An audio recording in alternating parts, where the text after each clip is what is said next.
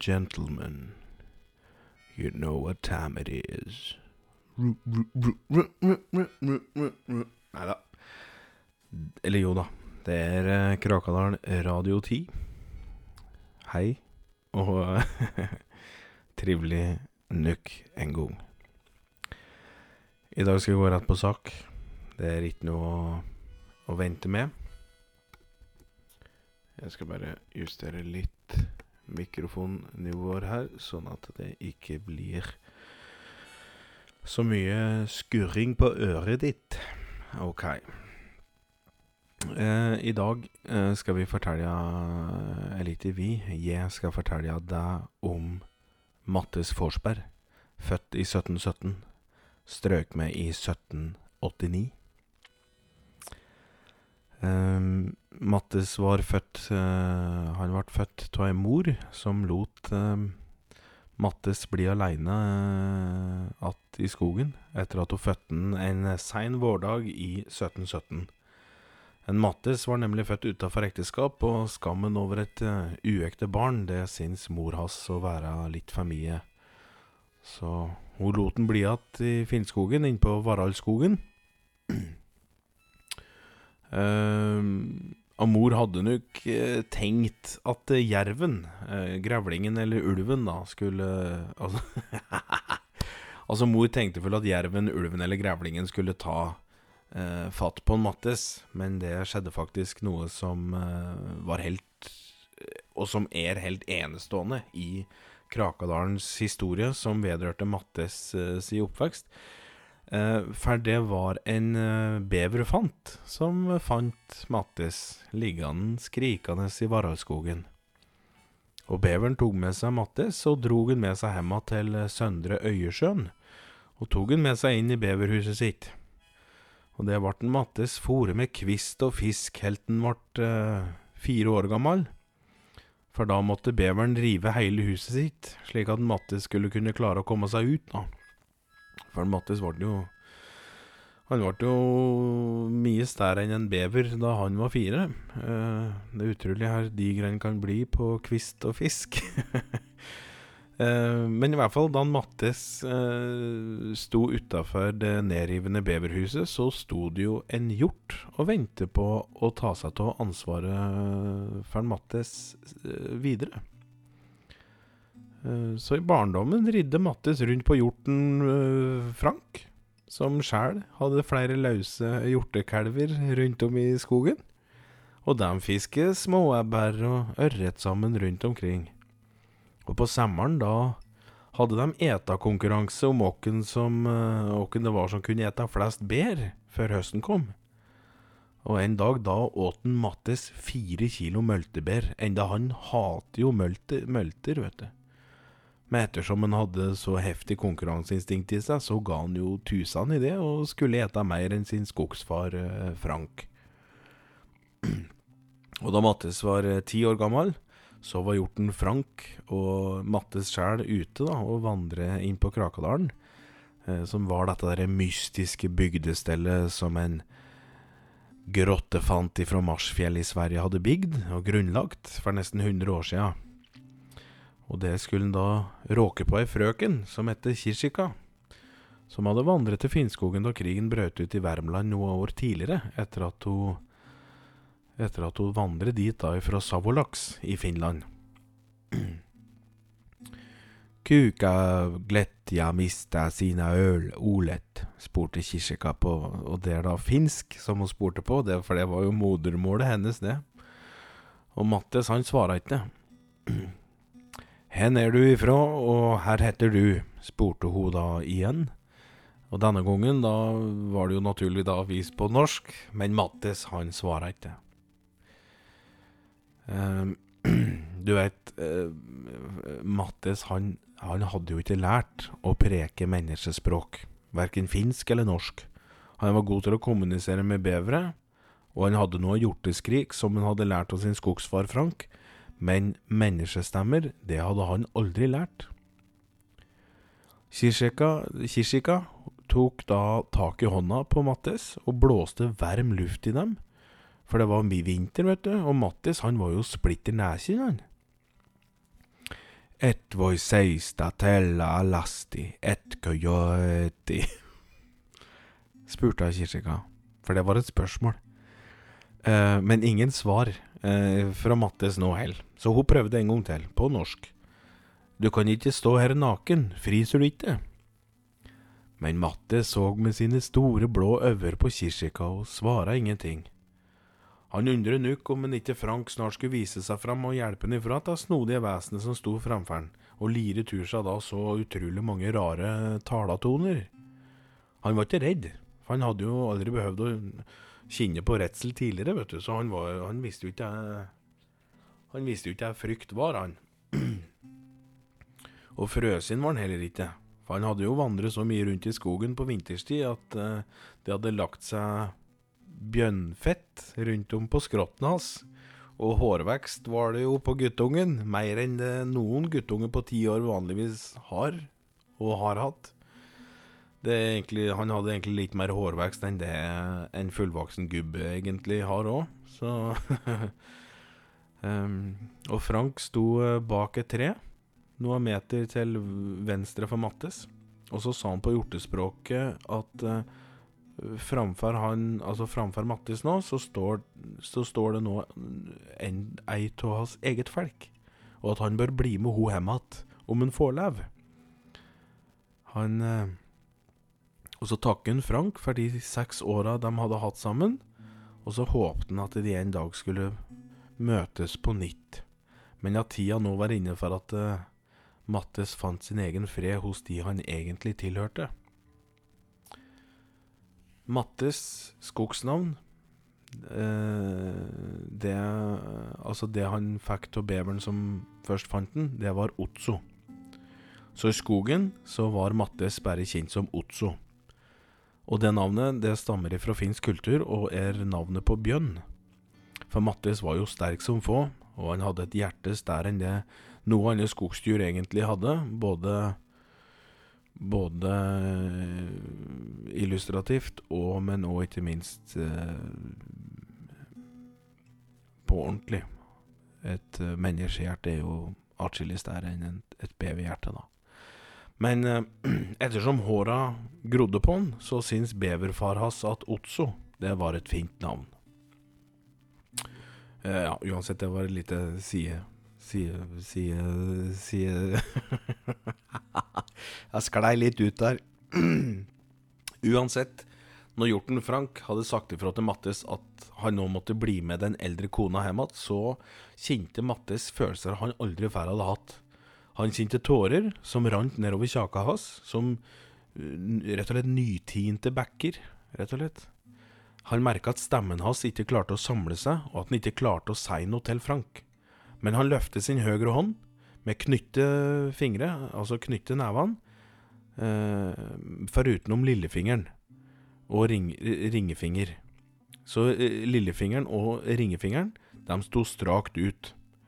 For det var da Dommes hemmelige symbol som betydde 'Jeg er glad i deg, og takk for nå'. Så Kishika la sjalet sitt rundt skrotten til Mattis og løfte den opp så ikke beina hans skulle bli mer såre enn det de allerede hadde blitt av snøen, og så bar hun han i 14 km og inn til seteren der hun bodde inn på Krakadalen. Eh, der firer hun opp i peisen, satte Mattis ifra seg og uh, hun hadde òg noe flesk som hun stekte over bålet. Uh, og, og, og, litt nevagraut. Og så moste hun da litt frosne tyttebær og la på en uh, bjørkeasjett, og ga den da til Martes. Altså det middags, da. Flesk og nevagraut med tyttebær. La på en tallerken. Og Mattes han smaka forsiktig så forsiktig, men guttungen han var faen ikke vant med kjøtt, så etter den første fleskebiten så begynte jo magen hans å jobbe, vet du, som et ville helvete. Og gutten flaug rundt og dreit ned hele skogstua til Kirsika, og hun flaug etter med gammel neversko uh, som hun blaute i ei bitte, da, og, prøvde å, og hun prøvde å tørke opp alt hun kunne. Og det lå riktignok ei snodig luft da, i skogstua hennes i flere dager etterpå, men slik var det nå. Slik var det nå. Og hun skjønte at Mattes han hadde ikke hatt i seg kjøtt forut, og at hun måtte ta det forsiktig. Um, Hun hadde, men hun hadde en del mort og ørret liggende frøsint hengende på grantrea hun hadde utafor huset.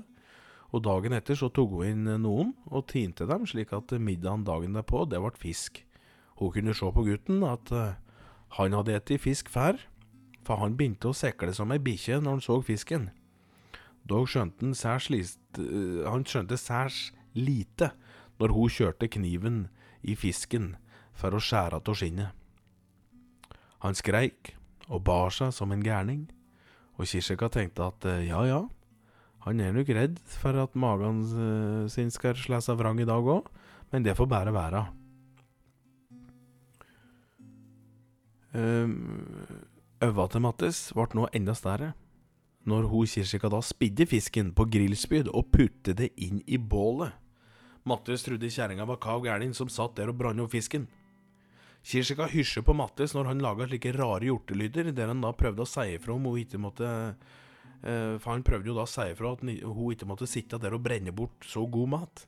Men Kirsika trodde ikke stort annet enn at guttungen var hjerneskada, så hun lot jo han bare få stå til. Um, og da fisken var ferdig, serverte hun den på en bjørkasjett sammen med litt kokt kål hun hadde spara på, og Mattis han satt lenge og bare glana på maten. Og så så han på hesset Kirsika åt fisken, pent og pyntelig med pekefinger og tommelfinger, der hun satt og pirket bort bein og skinn, mens hun maula i seg ørretkjøtt. Mattis lærte fort, og gjorde det samme, og jammen syns ikke han at det smaka godt. Ja, mye bedre enn å ete han rå.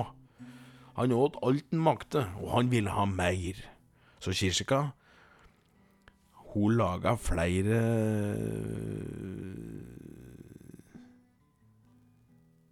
Nei, faen, Kirsika laga ikke noe lyder, men en Mattis, han laga flere lyder. Og Kirsika, hun sprang ut etter mer fisk. Så da satt hun der og stekte fisk til langt på natten. Men da hun hadde stekt 14 ørret og 12 morter, da måtte hun, nå, da måtte hun be Mattis om å legge seg. For, uh, for de få fiska hun nå hadde, de kunne jo ikke ete i kveld. Det måtte spares til, uh, til vinteren. Og allerede nå visste hun at hun måtte ut dagen etter med spettet ut på isen for å spilke etter mer fisk.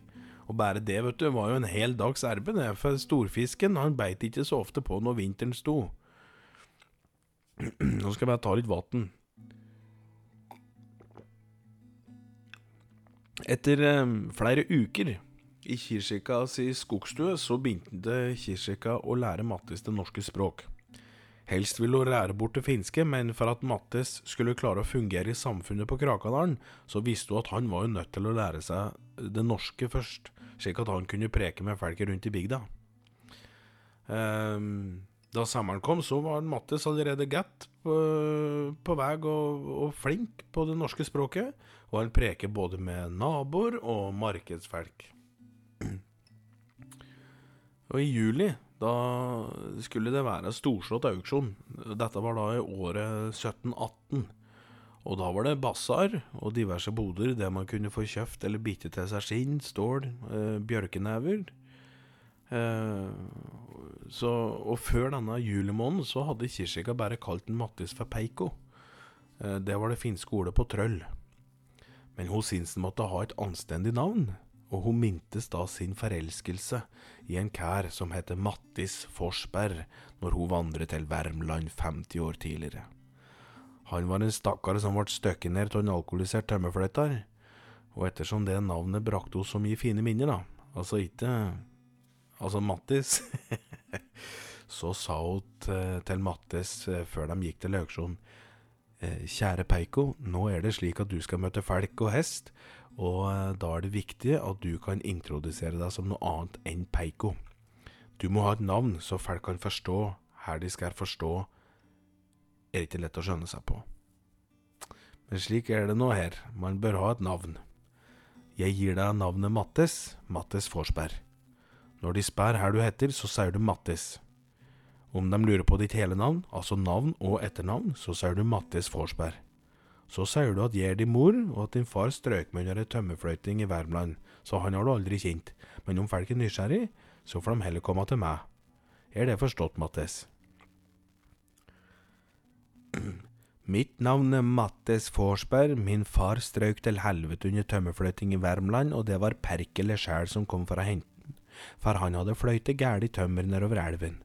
Lurer du på noe mer, prek med mor mi Kishika, den fineste dama i heile skogen, svarte Mattes. Ho-ho-ho, du er nå søt, lille gutten min, men ikke si noe annet enn navn og etternavn, du.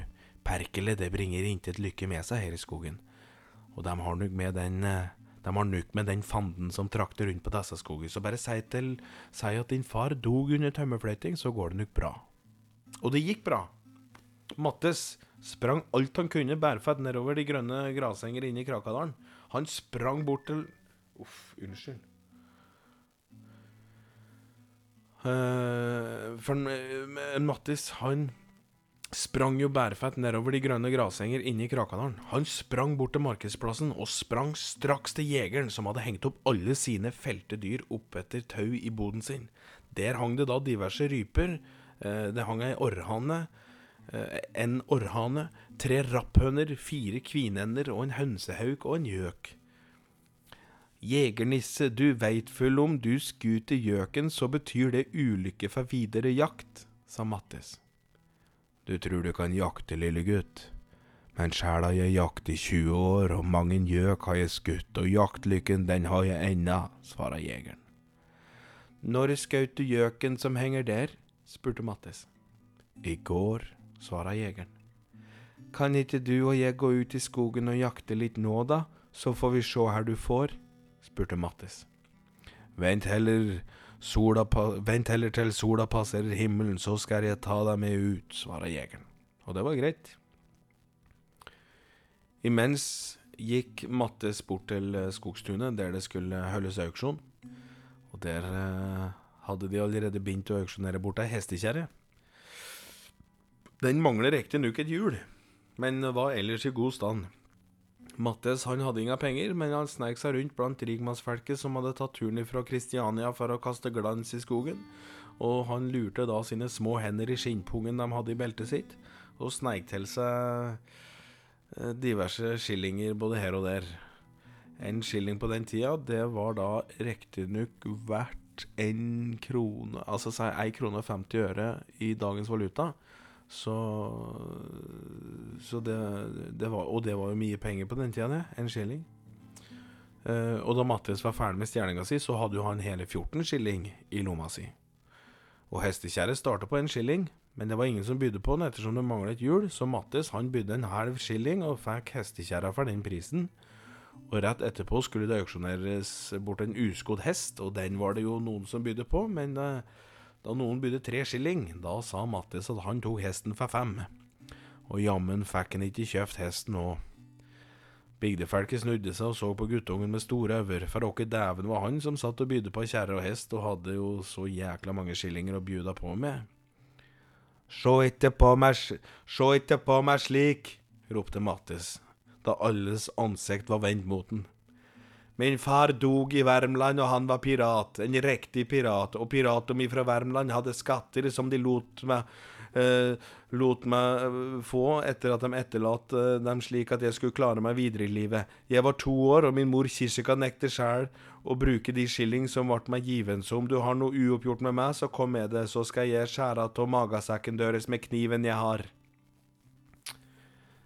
Eh, da trenger jeg ikke å si noe mer enn at da ble det mumling ganske heftig og greit på auksjonstynet. Men ingen turte å, å, se på den hårete gutten med piratrøtter i blodet, så de snudde øynene sine bort igjen. Og da gutten var ferdig på auksjon, eh, eh, da hadde han brukt opp eh, alle de 14 skillinga han hadde stjålet. Det ble ei hestekjerre som han nå fikk kjøpt et nytt hjul til. Han bitte bort to kniver han hadde laga, for at en snekker skulle hjelpe han med å sette det på kjerra. Uh, og med hest som kunne dra kjerra, hadde han da kjøpt flere fylte melkespann. Ti kilo såkorn, ti kilo hvetemel og uh, fire høder. Uh, fem kilo poteter og litt potetplanter som hørte med. Og som han da kunne dyrke på egen hånd. Og så kjøpte han en kniv og ei sag. Ja. Han kom ridende hjem igjen til Kirsika, som satt med trekoppen sin og supa litt harsk kaffe utafor huset sitt. Sjå, mor, heie ha med, sa Mattis, stolt som en elg der han kom ridende på hestekjerra si med alt han hadde med. Kirsika stirret med øyeglugger så store at hun omtrent datt i svime i solsteiken. Å herre jomala poike, her er det du har nå funnet på, ropte hun ut mens hun sjanglet seg på beina og valset bort til kjerra for å se alt han hadde med. Jo, jeg vant et veddemål med noen jålebukker fra Kristiania, og de tapte alle mann, så jeg vant mange en skilling, og de brukte jeg på diverse ting vi kan ha bruk for. Jeg kan grave litt i jorda bak stabburet, så kan jeg sette ut noen potteplanter som jeg fikk kjøpt, og så har vi pottiser til neste høst, svarer han Mattis. Men hva vedder du om da? spurte Kirsika. Jo, jeg sa. Er det noe som vil vedde bort noen skillinger? Ja, var det flere som sa, og uten at de visste om veddemålet, så la de penger på bordet, og da sa jeg, jeg vedder på at jeg kan noe som ikke dø kan, og da ble de enda mer ivrig og la flere skilling på bordet, for de trodde de kunne bedre, og da sa jeg, jeg vedder at jeg kan trille død hver og en på en trillebår, og jaså var det noen som svara, men jeg kan òg trille trillebår, sa den ene, og da sa jeg, ja, klarer du å trille deg sjæl på et trillebår, så vinner du.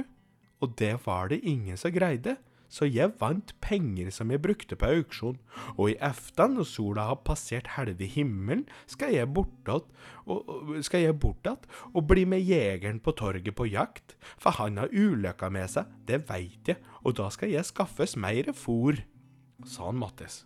Og Kirsika, hun gliste over en så en lur en gutt hun hadde fått uh, fått. og da sola passerte da halve himmelen, da dro gutten til jegeren for å jakte.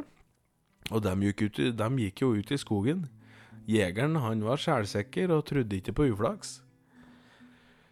Um, og da de vandrer, da de vandrer i skogen, råker, så råker de på ei dame som gikk forbi, og dette visste Mattis betydde ulykke så han tok tre skritt tilbake for å nulle ut uflaksen. Og så gikk han videre. Men jegeren han bare bukket høflig til dama, og så gikk han videre, uvitende om at han nå hadde mer uflaks. Etter en liten halvtime i skogen så så Mattis en elg som sto fager og mektig, og Mattis kom til å tenke på sin egen hjortefar Frank. Han hadde jo tidligere møtt på mange elger som var venner av Frank, og han hadde sjæl et eh, hjerte for skogens konger og dronninger. Han løfte løftet huget, så over furutoppa og ba til Tapio, som var skogens gud, om at det måtte gå jegeren ille om han nå heiste geværet for å skute. Og jegeren han gjorde jo som Mattis hadde tenkt. Han løfte geværet, sikte på elgen som sto ved skogslyngen i solnedgangen der, og fyret av. Geværladningen var derimot for kraftig, så patronen smalt tå i selve tenninga, så fingra til jegeren nærmest blåst i fillebiter. Og kruttslammen den slo tilbake i ansiktet på jegeren, så han ble jo både blind og brent. Uh, han lå og vrei seg. Uh, han vrei seg som faen på Måsasletten i skogen, og skreik og bar seg, men en Mattis han bare sto og så på elgen som rolig vandrer videre.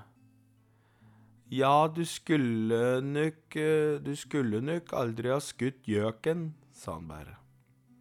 Og så tok hun med seg geværet og lot jegeren bli igjen. Mattis, han ble um, Mattis var, han, ble aldri noen Han ble aldri en ordentlig jeger. Eh, for hjertet han hadde for skogens dyr, det, det, det var så stort. Eh, så at han, han tillot han, han, Det fantes ingenting i hans indre da, som ville drepe noe som helst dyr.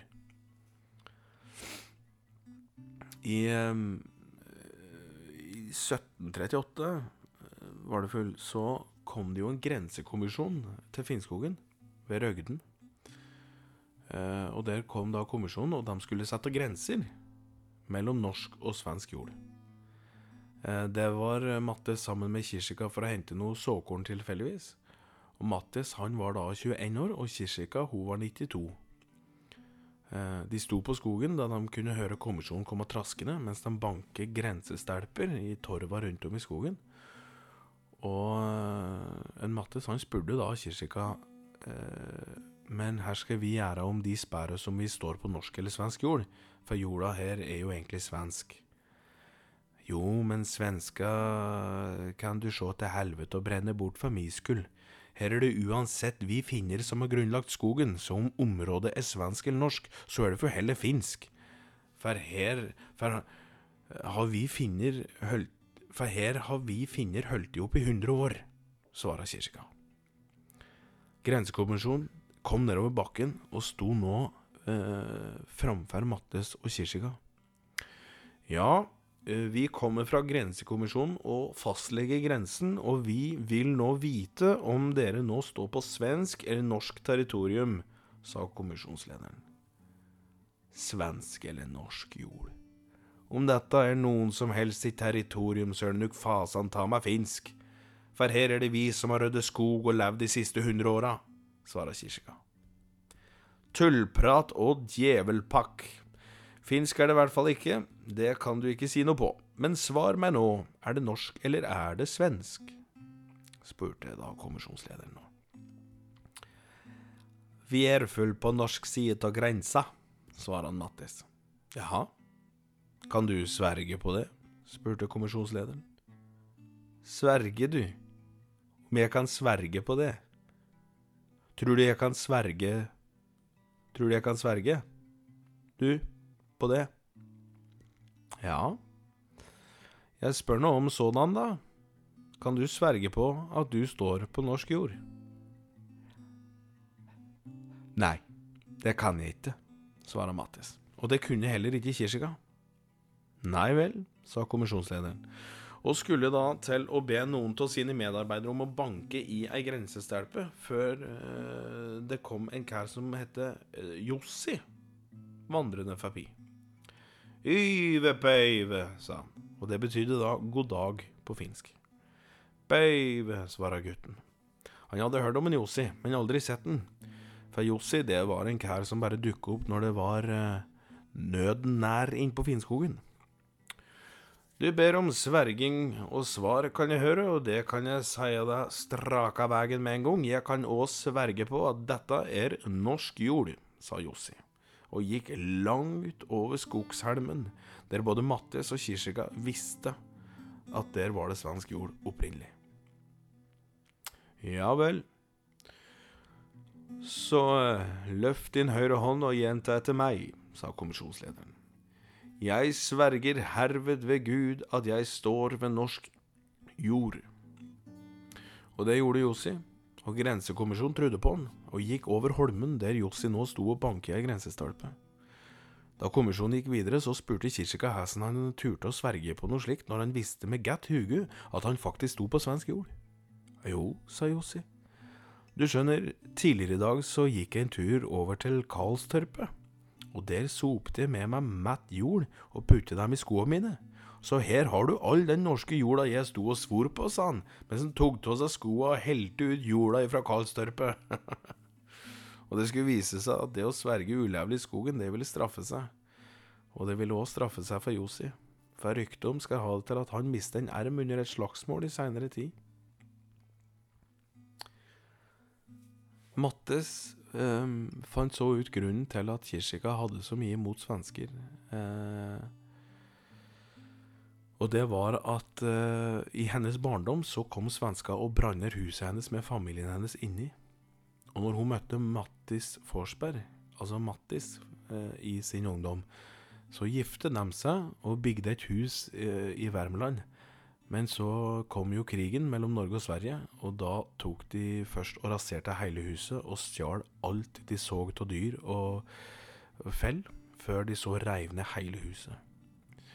Og selv om Kishika og Mattis hadde to små jenter, så var det ingen medlidenhet hos svenska.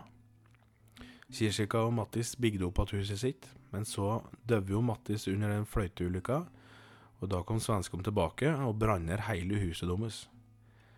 Da tok Kishika med seg sine døtre og vandret over til Finnskogen med bare en liten pose såkorn i hånda. Dessverre da, så kom det jo en diger hauk da og grabbe med seg den yngste dattera til Kirsika. Og når det var like over grensa, så kom det banditter ifra Rena og kidnappet en Are. Så Kirsika sto aleine att. Men da hun kom til Krakadalen, var det visstnok ei trivelig dame som eh, hadde navnet Ragnhild Dragebein, som tok henne inn og hjalp henne med å komme i stand inn på Krakadalen. Og Ragnhild husker jo vi ifra tidligere.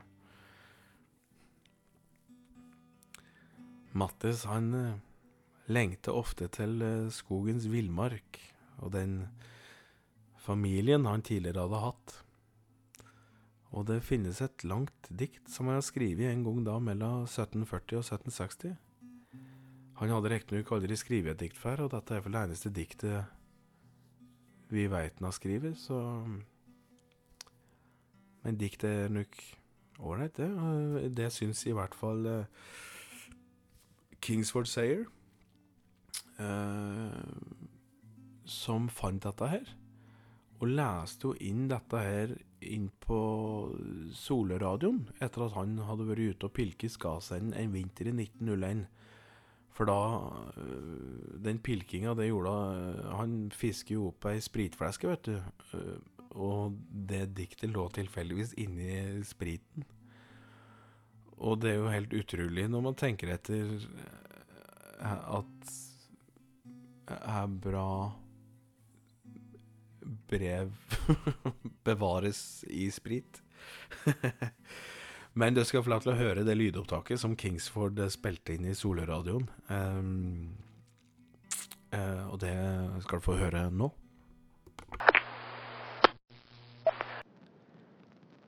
Etter natta kommer alltid dagen.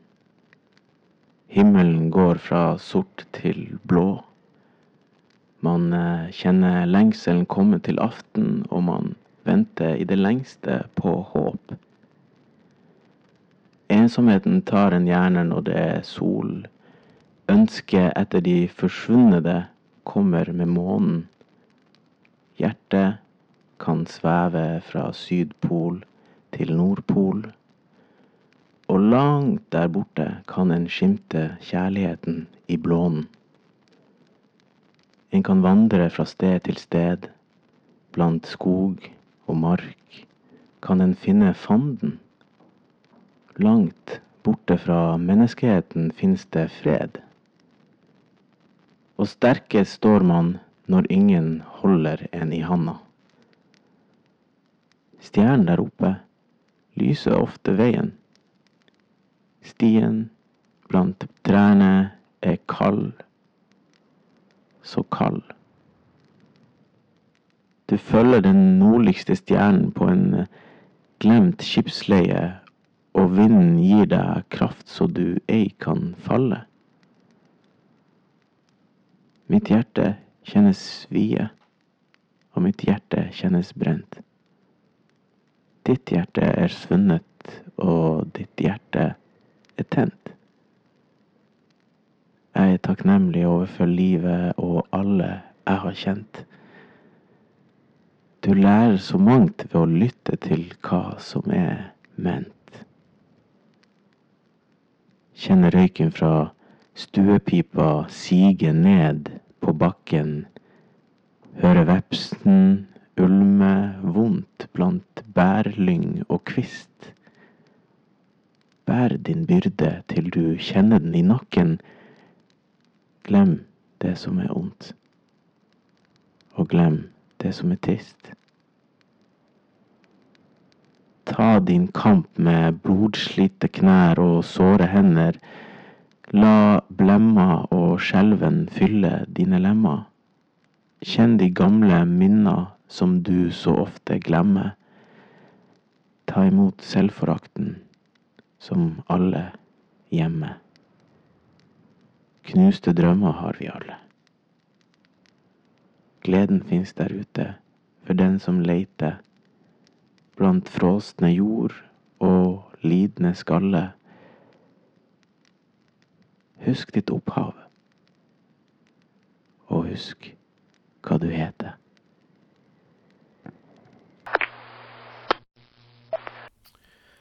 Ja, det var eh, Kingsford uh, Sayer, uh, gitt.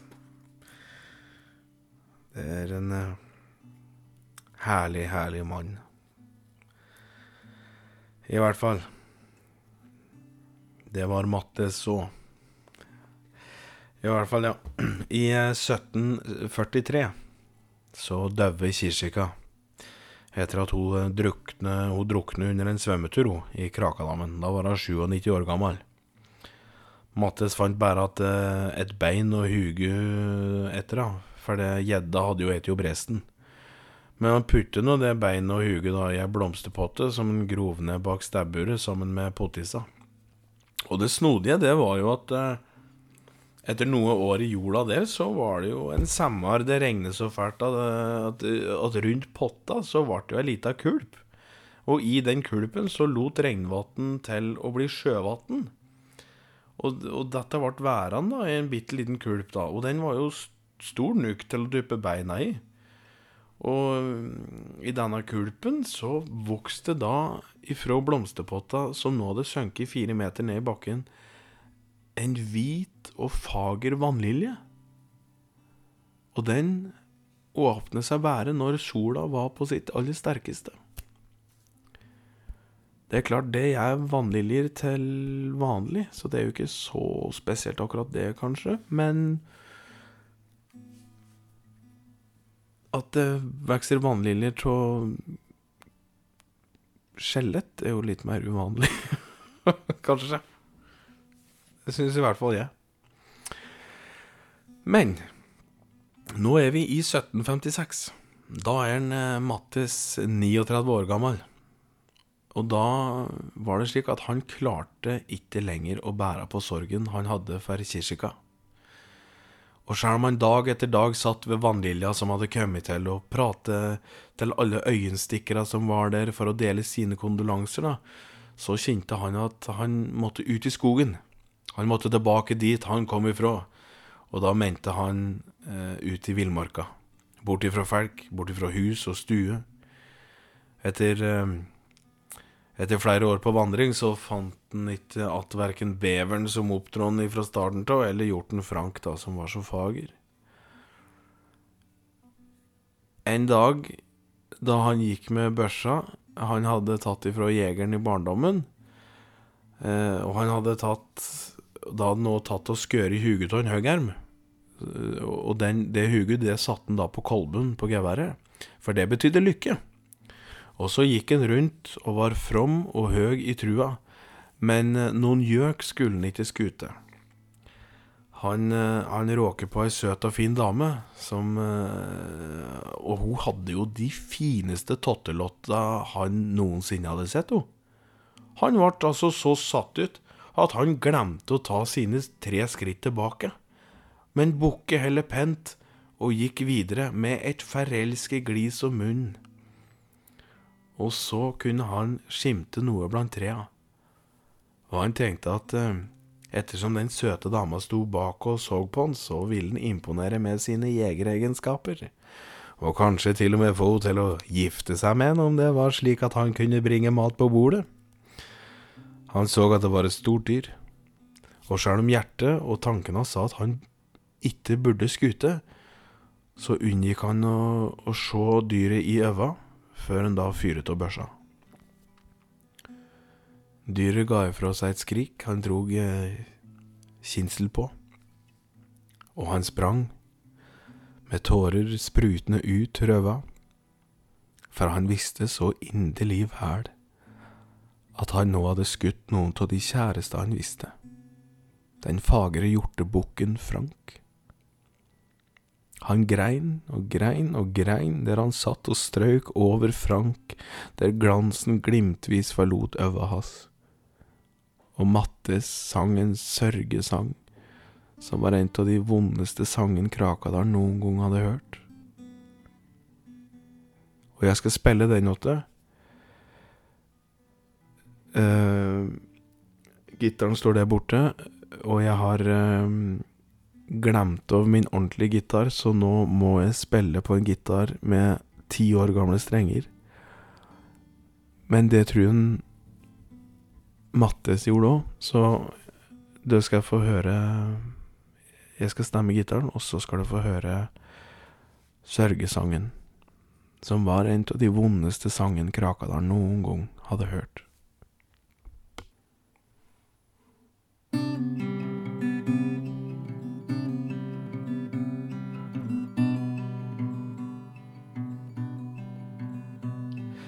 erker itte kjærleik og dens vonde riv. Preke med englemunn og fylt av vonde tvil.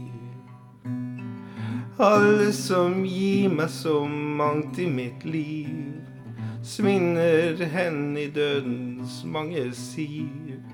Tårene mine river opp sår etter sår. Nå finnes ingen som ser hen jeg går. Himmelen ga meg liv og leva. Sjelden har jeg slitt og streva. Ingen har jeg ønsket vondt, og alderen tar og gjør meg all slags vondt. Hør mine skrik, kjære skog.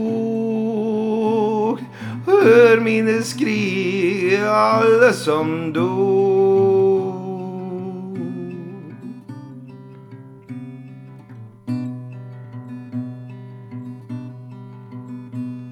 Du skulle fått en gave som jeg så hadde. Du skulle fått mitt liv opp ifra graven. Du skulle fått en hånd med verden i. Du skulle fått et hjerte uten å svi. Du skulle fått mine øver om du vart blind. Du skulle gitt meg ro i mitt vrengte sinn. Himmelen ga meg liv og lava. Sjelden har jeg slitt og streva. Ingen har jeg ønsket vondt. Alderen tar og gjemmer all slags ondt. Hør mine skrik, kjære skog. Hør mine skrik, alle som dog.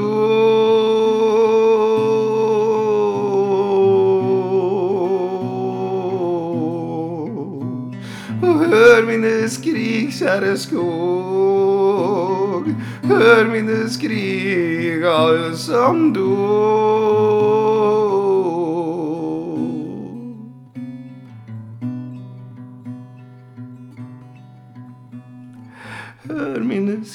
Kjære skog. Hør mine skrik, alle som dog.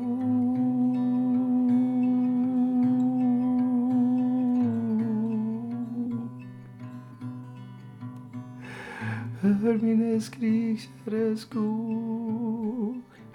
Hør mine skrik, alle som dog.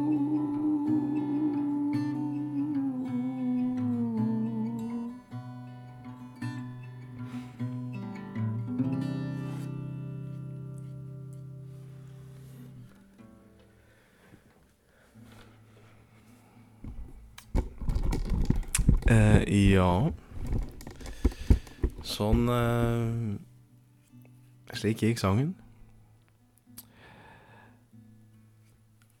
Dama uh, som prøvde å trøste Matte så godt hun kunne, uh, hun fikk det ikke til. For Mattes visste at til tross for fine føtter, så var det jo hennes ulykke som brakte han så stor sorg. Han sa til henne Du er nok den fineste jenta jeg har sett i hele mitt vakne liv. Men jeg kan ikke be om din hånd, for min sorg er for stor til at jeg vil. Dama neier pent og ga han et kyss på kjakan, og Matte sank til grunn og la seg inntil Frank for å kjenne varmen som ble mer og mer bort ifra hans døde skrått. I 33 år vandret så Mattis rundt om på Finnskogen. Skogen var senga hans, og han hadde ingen fast plass. Han gravla hjorten Frank sammen med geværet han hadde med seg den samme dagen når hjorten hadde blitt kald, og Mattis var sikker på at Frank var død. Han bar en diger stein dit hjorten lå, og han malte steinen med blodet til Frank, og der sto det Hjortefar og skogsprins, den kjæreste hjort som noen gang har fins. Jeg ber om forlatelse, din sønn Otso. Og det var etter det Mattes begynte sine vandringer. Han ba hver eneste kveld til Tapio om at han burde ende hans liv, visstnok, for han ønsket ikke å være en av de hjerteløse som drepte for å imponere. Han følte han nå var en av de som var drapsmann, eller drapsmenn uten mål og uten mening, bare for å imponere ei frøken. Han forbannet så kjærligheten resten av sitt liv. For livet og døden hadde rivet den kjærligheten han en gang bar på i hjertet sitt så nådeløst ut. Og i 1789, når Mattis Forsberg var 72 år gammel, drog han ut til Fløyterelva i Värmland og hosa uti blant tømmerstokker og elvebrus og lot seg synke til sjøens betten, slik hans navneopphav en gang hadde gjort. Og det var historien om Mattis Forsberg. Vi høres.